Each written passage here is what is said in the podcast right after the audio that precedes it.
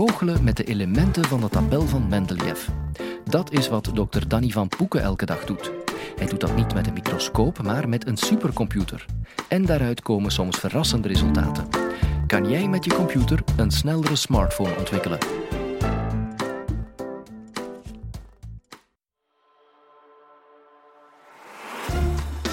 Dit is de Universiteit van Vlaanderen.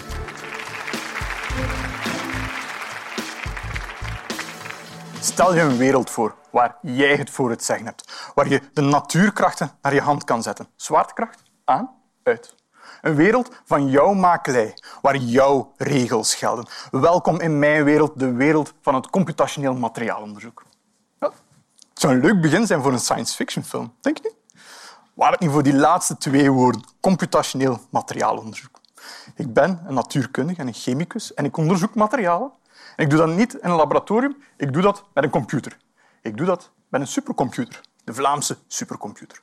En die materialen, wat zijn dat? Wel, materialen is een term die wetenschappers gebruiken om gewoon te verwijzen naar waar iets van gemaakt is. De stoelen waar jullie op zitten, die zijn van kunststof, dus kunststof is een materiaal. Of ramen, die zijn van glas, en dan is glas het materiaal.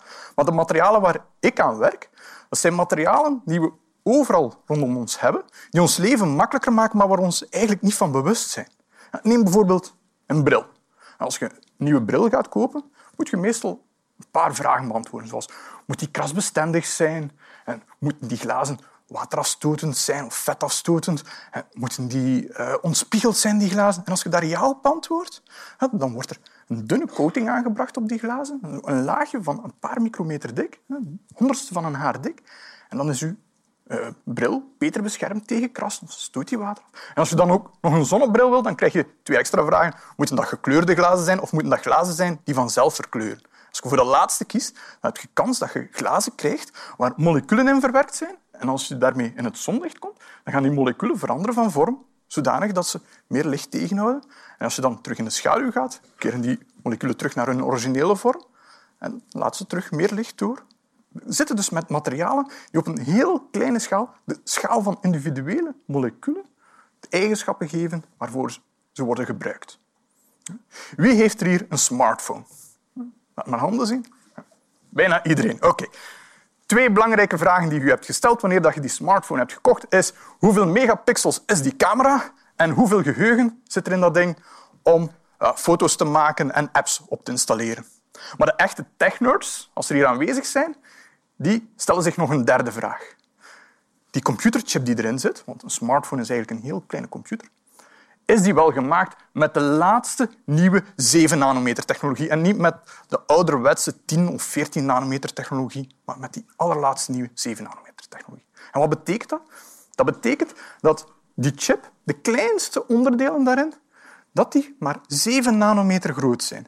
Een nanometer dat is een miljardste van een meter. Om dat een beetje in perspectief te plaatsen, stel u de aardbol voor. Hij heeft een omtrek van 40.000 kilometer.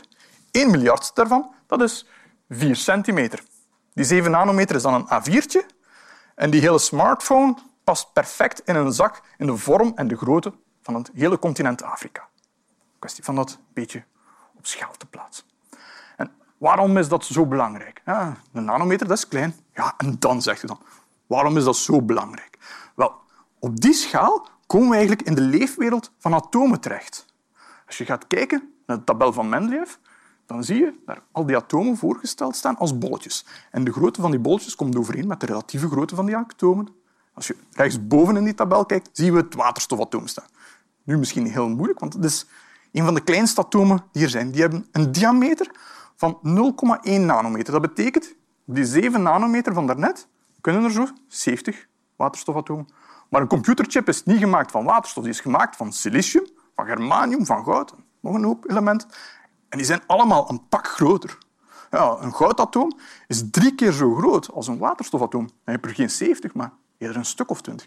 En hier op de eerste rij zijn we met ja, een stuk of 15 ongeveer. Als daar één iemand ontbreekt en dan zit daar een lege stoel, of er zit een hond op die stoel, dan iedereen hier dat gezien hebben. Ja, daar ben ik vrij zeker van. Nu, in dat klein stukje van die chip, op die 7 nanometer, als daar één atoom ontbreekt of daar zit een ander atoom, dan gaan al die andere atomen die daar rond zitten dat merken. En dat gaat een invloed hebben op de eigenschappen van dat materiaal. Daarom is het ook van belang om te weten hoe dat, dat gaat beïnvloeden. Ja? alles rondom ons bestaat uit atomen. En dus kunnen we op die schaal, op de schaal van atoom, alle materialen voorstellen. En hoe doen we dat? Wel, we doen dat met uh, een bal- en staafjesvoorstelling. Daarin hebben we enerzijds de ballen die de atomen voorstellen. En die krijgen dan een specifieke kleur afhankelijk van welke soort atoom dat is. Een koolstofatoom zwart, uh, een zwavelatoom gaan we als geel aanduiden. En de staafjes die ertussen zitten, die stellen dan de chemische bindingen voor hoe dat die atomen aan elkaar vasthangen. Ja, we hebben hier drie mooie voorbeeldjes. Aan de rechterkant hebben we diamant, het hardste materiaal dat we kennen. Staat enkel uit koolstofatoom. En linksonder hebben we grafiet. Dat bestaat uit laagjes, ook enkel koolstof. Dat is een van de zachtste materialen die we kennen. En grafiet dat ken je vanuit de potloden. En die laagjes, als we schrijven, gaan die af en die blijven dan op je blad plakken. En als je zo één laagje neemt en je maakt er een rolletje van, krijg je een koolstofnanobuis. heeft nog andere eigenschappen. En dat toont al aan dat bij modern materiaalonderzoek eigenlijk al voor een serieus probleem komen te staan. Zelfs als we weten welke atomen we hebben, weten we nog niet zeker wat dat de structuur gaat zijn of wat dat de eigenschappen gaan zijn. Dat kan evengoed hard of een zacht materiaal zijn. Dat is een van de zaken waar mijn experimentele collega's ook mee vechten. En mijn experimentele collega's die maken synthetisch diamant. Die doen dat in een soort van ja, ingewikkelde microgolfoven. En daar laten ze dan koolstofatomen samenkomen en uitkristalliseren, kristalletjes vormen. En ze hopen dan dat dat diamant wordt. En geen grafiet. Want grafiet is eigenlijk de gewone toestand van koolstof bij kamertemperatuur en de luchtdruk zoals we die gewoon zijn. En als je een nieuw materiaal wil maken, hoe doe je dat dan? Ja, we starten met een bekend materiaal, dan gaan we daar stukjes in veranderen. En als we op de schaal van atomen kijken, betekent dat dan sommige atomen eruit halen en andere erin steken. Maar je kan je voorstellen dat je dat in een labo niet echt kan doen, dat je daar niet staat van oké, dit atoom hebben we niet nodig, we steken er een ander in. Dat gaat zo niet. Dat gaat allemaal via chemische reacties, in een heel syntheseproces. Maar hoewel dat wel gecontroleerd is, is dat nog altijd iets anders dan, net zoals Lego, iets in elkaar steken. Als we nu even teruggaan naar die smartphone. Ja, moet die minstens één keer per dag opladen? Zou het niet fijn zijn als we dat nu één keer per week zouden kunnen doen, in plaats van één keer per dag? En hoe gaan we dat doen? Wel, zou kunnen zeggen, een betere batterij. Hè? Maar we gaan het ecologischer aanpakken. We gaan ervoor zorgen dat we gewoon met dezelfde stroom die uit die batterij komt, meer kunnen doen. wie zijn de twee grootste stroomvreters? Je scherm en die computerchip. Die computerchip gebruikt die stroom om berekeningen te doen, om zo je apps hun ding te laten doen. En daarbij wordt ook warmte geproduceerd. Een deel van die energie gaat verloren in warmte. Als we dat nu eens zouden kunnen verminderen en wat beter die stroom zouden kunnen geleiden, zou ons leven al een stuk vlotter gaan. Nu, die chip bestaat uit silicium. Als we daar nu eens diamant zouden voor gebruiken, dat heeft exact hetzelfde kristalrooster. Maar diamant glijdt warmte veel beter dan silicium. En het glijdt ook stroom veel beter dan silicium. Maar ja, je moet eerst geladen deeltjes hebben in uw silicium of in uw diamant die kunnen bewegen en beide hebben dat niet. We krijgen die daarin door andere atomen in te bouwen. Oké, okay, kun je zeggen. Tot daar, dat gaat wel. We hebben een periodiek systeem, zijn er een stuk of honderd. Dat gaat vlot. Ja, maar stel dat het met één element eigenlijk niet lukt, dat je een combinatie moet maken van twee of van drie. Dan heb je niet honderd mogelijkheden, maar tienduizend of een miljoen. Dat kun je ook niet gewoon in een labo gaan doen. Daarvoor kun je eigenlijk de stap maken naar simulaties. En in de simulaties die ik doe, bouw ik een materiaal atoom per atoom op. En daardoor heb ik eigenlijk absolute controle. Ik weet dat ik diamant heb. Ik moet me geen zorgen maken, zoals mijn collega's, dat het grafiet gaat worden. Het is diamant omdat ik het zo heb gemaakt. En een ander materiaal maken, koolstofatoom eruit, ander atoom erin. Dat kan een zuurstofatoom zijn, dat kan een fosforatoom zijn, dat kan een europiumatoom zijn. Ja, europium, dat is zo van in die balken die onder de tabel van Mendeleev hangt. Iedereen vraagt zich af, waarom hangt die daar? Daar zitten die zware elementen. Het zijn ook vrij grote elementen.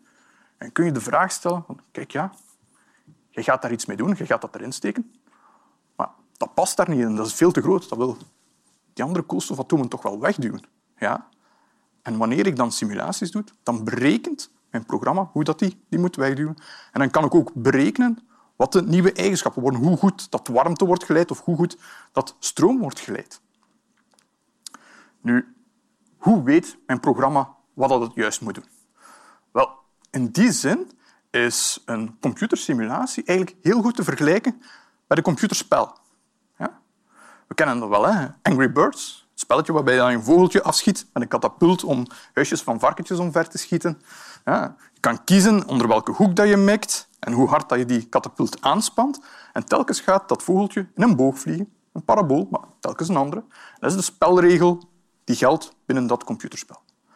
In mijn geval zijn de spelregels de wetten van de natuur. En als je met atomen werkt, dan zijn de natuurwetten die daar geldig zijn de wetten van de kwantummechanica. Die zijn een heel stuk complexer, maar inherent is het eigenlijk een beetje hetzelfde idee. We hebben spelregels, die kunnen we omzetten in wiskundige vergelijkingen, een heel gemakkelijke en een hele complexe set. En die uh, wiskundige vergelijkingen kunnen we dan omzetten naar uh, regels die een computer moet volgen. Als dit, doe dan dat. Tel dit getal bij dat getal op, vermenigvuldig het met een derde, trek er een wortel uit, maakt allemaal niet uit. Maar je kan je wel voorstellen, Angry Birds, dat gaat vrij vlot. Er is niet veel aan te berekenen. Daarom kun je dat ook makkelijk spelen op je smartphone. Die kwantummechanische berekeningen zijn er enorm veel. En dat geeft tot gevolg dat ik duizenden uren op een supercomputer aan het rekenen ben om daar een resultaat uit te krijgen. Je kunt zeggen van, ja, dan heb je toch wel brute pech als je zo lang moet wachten voordat er iets uitkomt. Dat is waar. Maar het gaat telkens sneller. Ik heb daar eigenlijk wel een chance, want computers, daarvoor hebben we de wet van Moore. Die zegt dat elke twee jaar de kracht van een CPU verdubbelt. En op zich, ja, verdubbelen om de twee jaar, niet zo indrukwekkend, totdat je dat eigenlijk op langere termijn gaat bekijken. Als we teruggaan naar de jaren 70, 50 jaar terug, wetenschappers die toen materialen onderzochten, hadden maanden rekentijd nodig om een heel simpel model door te rekenen. Dat simpel model konden ze 25 jaar later gewoon in een Exceltje gaan steken en dan gaan uitrekenen. Dan duurde het nog een paar uur. En als je datzelfde programma vandaag zou laten lopen, duurt het maar een paar minuten. Excel is nu niet echt iets dat je gaat gebruiken om zwaar berekeningen mee te gaan doen. Als je dat zelf in een programma giet, zoals die mensen in de jaren 70 hadden gedaan, dan duurt dezelfde berekening nu zo lang. Een vingerknip. We gaan van maanden rekentijd naar een vingerknip. En ook vandaag. Ik gebruik maanden rekentijd nu om te doen wat ik wil doen. Maar over 50 jaar weten we dat we aan een vingerknip zitten. En we zijn al goed op weg. Want als je nu s'avonds, als je gaat thuiskomen en je kijkt in je smartphone, ah, wat voor apps hebben we, moet je eens gaan zoeken of je geen app vindt waarmee je moleculen kan simuleren. Die bestaan al. Er bestaan apps die je toelaten om op atomaire schaal kleine moleculen te gaan simuleren. Niet met dezelfde nauwkeurigheid als de berekening die ik nu doe, maar dat is al een eerste stap in die richting. En we gaan verder en verder. Wat leren we hier nu allemaal uit? Wel, drie dingen. Ten eerste, het is mogelijk om met simulaties nieuwe materialen te ontwikkelen door gewoon te gaan puzzelen met atomen zelf. iets wat een experiment niet kan. Als er heel veel mogelijkheden zijn om uit te kiezen, kunnen we die gewoon allemaal uitproberen, zelfs al zijn ze onmogelijk. En dan kiezen we daar de beste uit en zeggen we aan experimentele mensen, kijk, maak dit nieuwe materiaal. Dit is de beste keuze om mee te starten. En als derde, omdat computers steeds sneller en sneller worden, wat vroeger een supercomputer nodig had, kunnen we binnenkort op een computer. En in de toekomst, wie weet, gaan we dan met onze eigen smartphone de nieuwe materialen gaan ontwikkelen voor de volgende generatie smartphone. En die, wie weet, bestaat wel uit diamant. Dank u voor uw aandacht.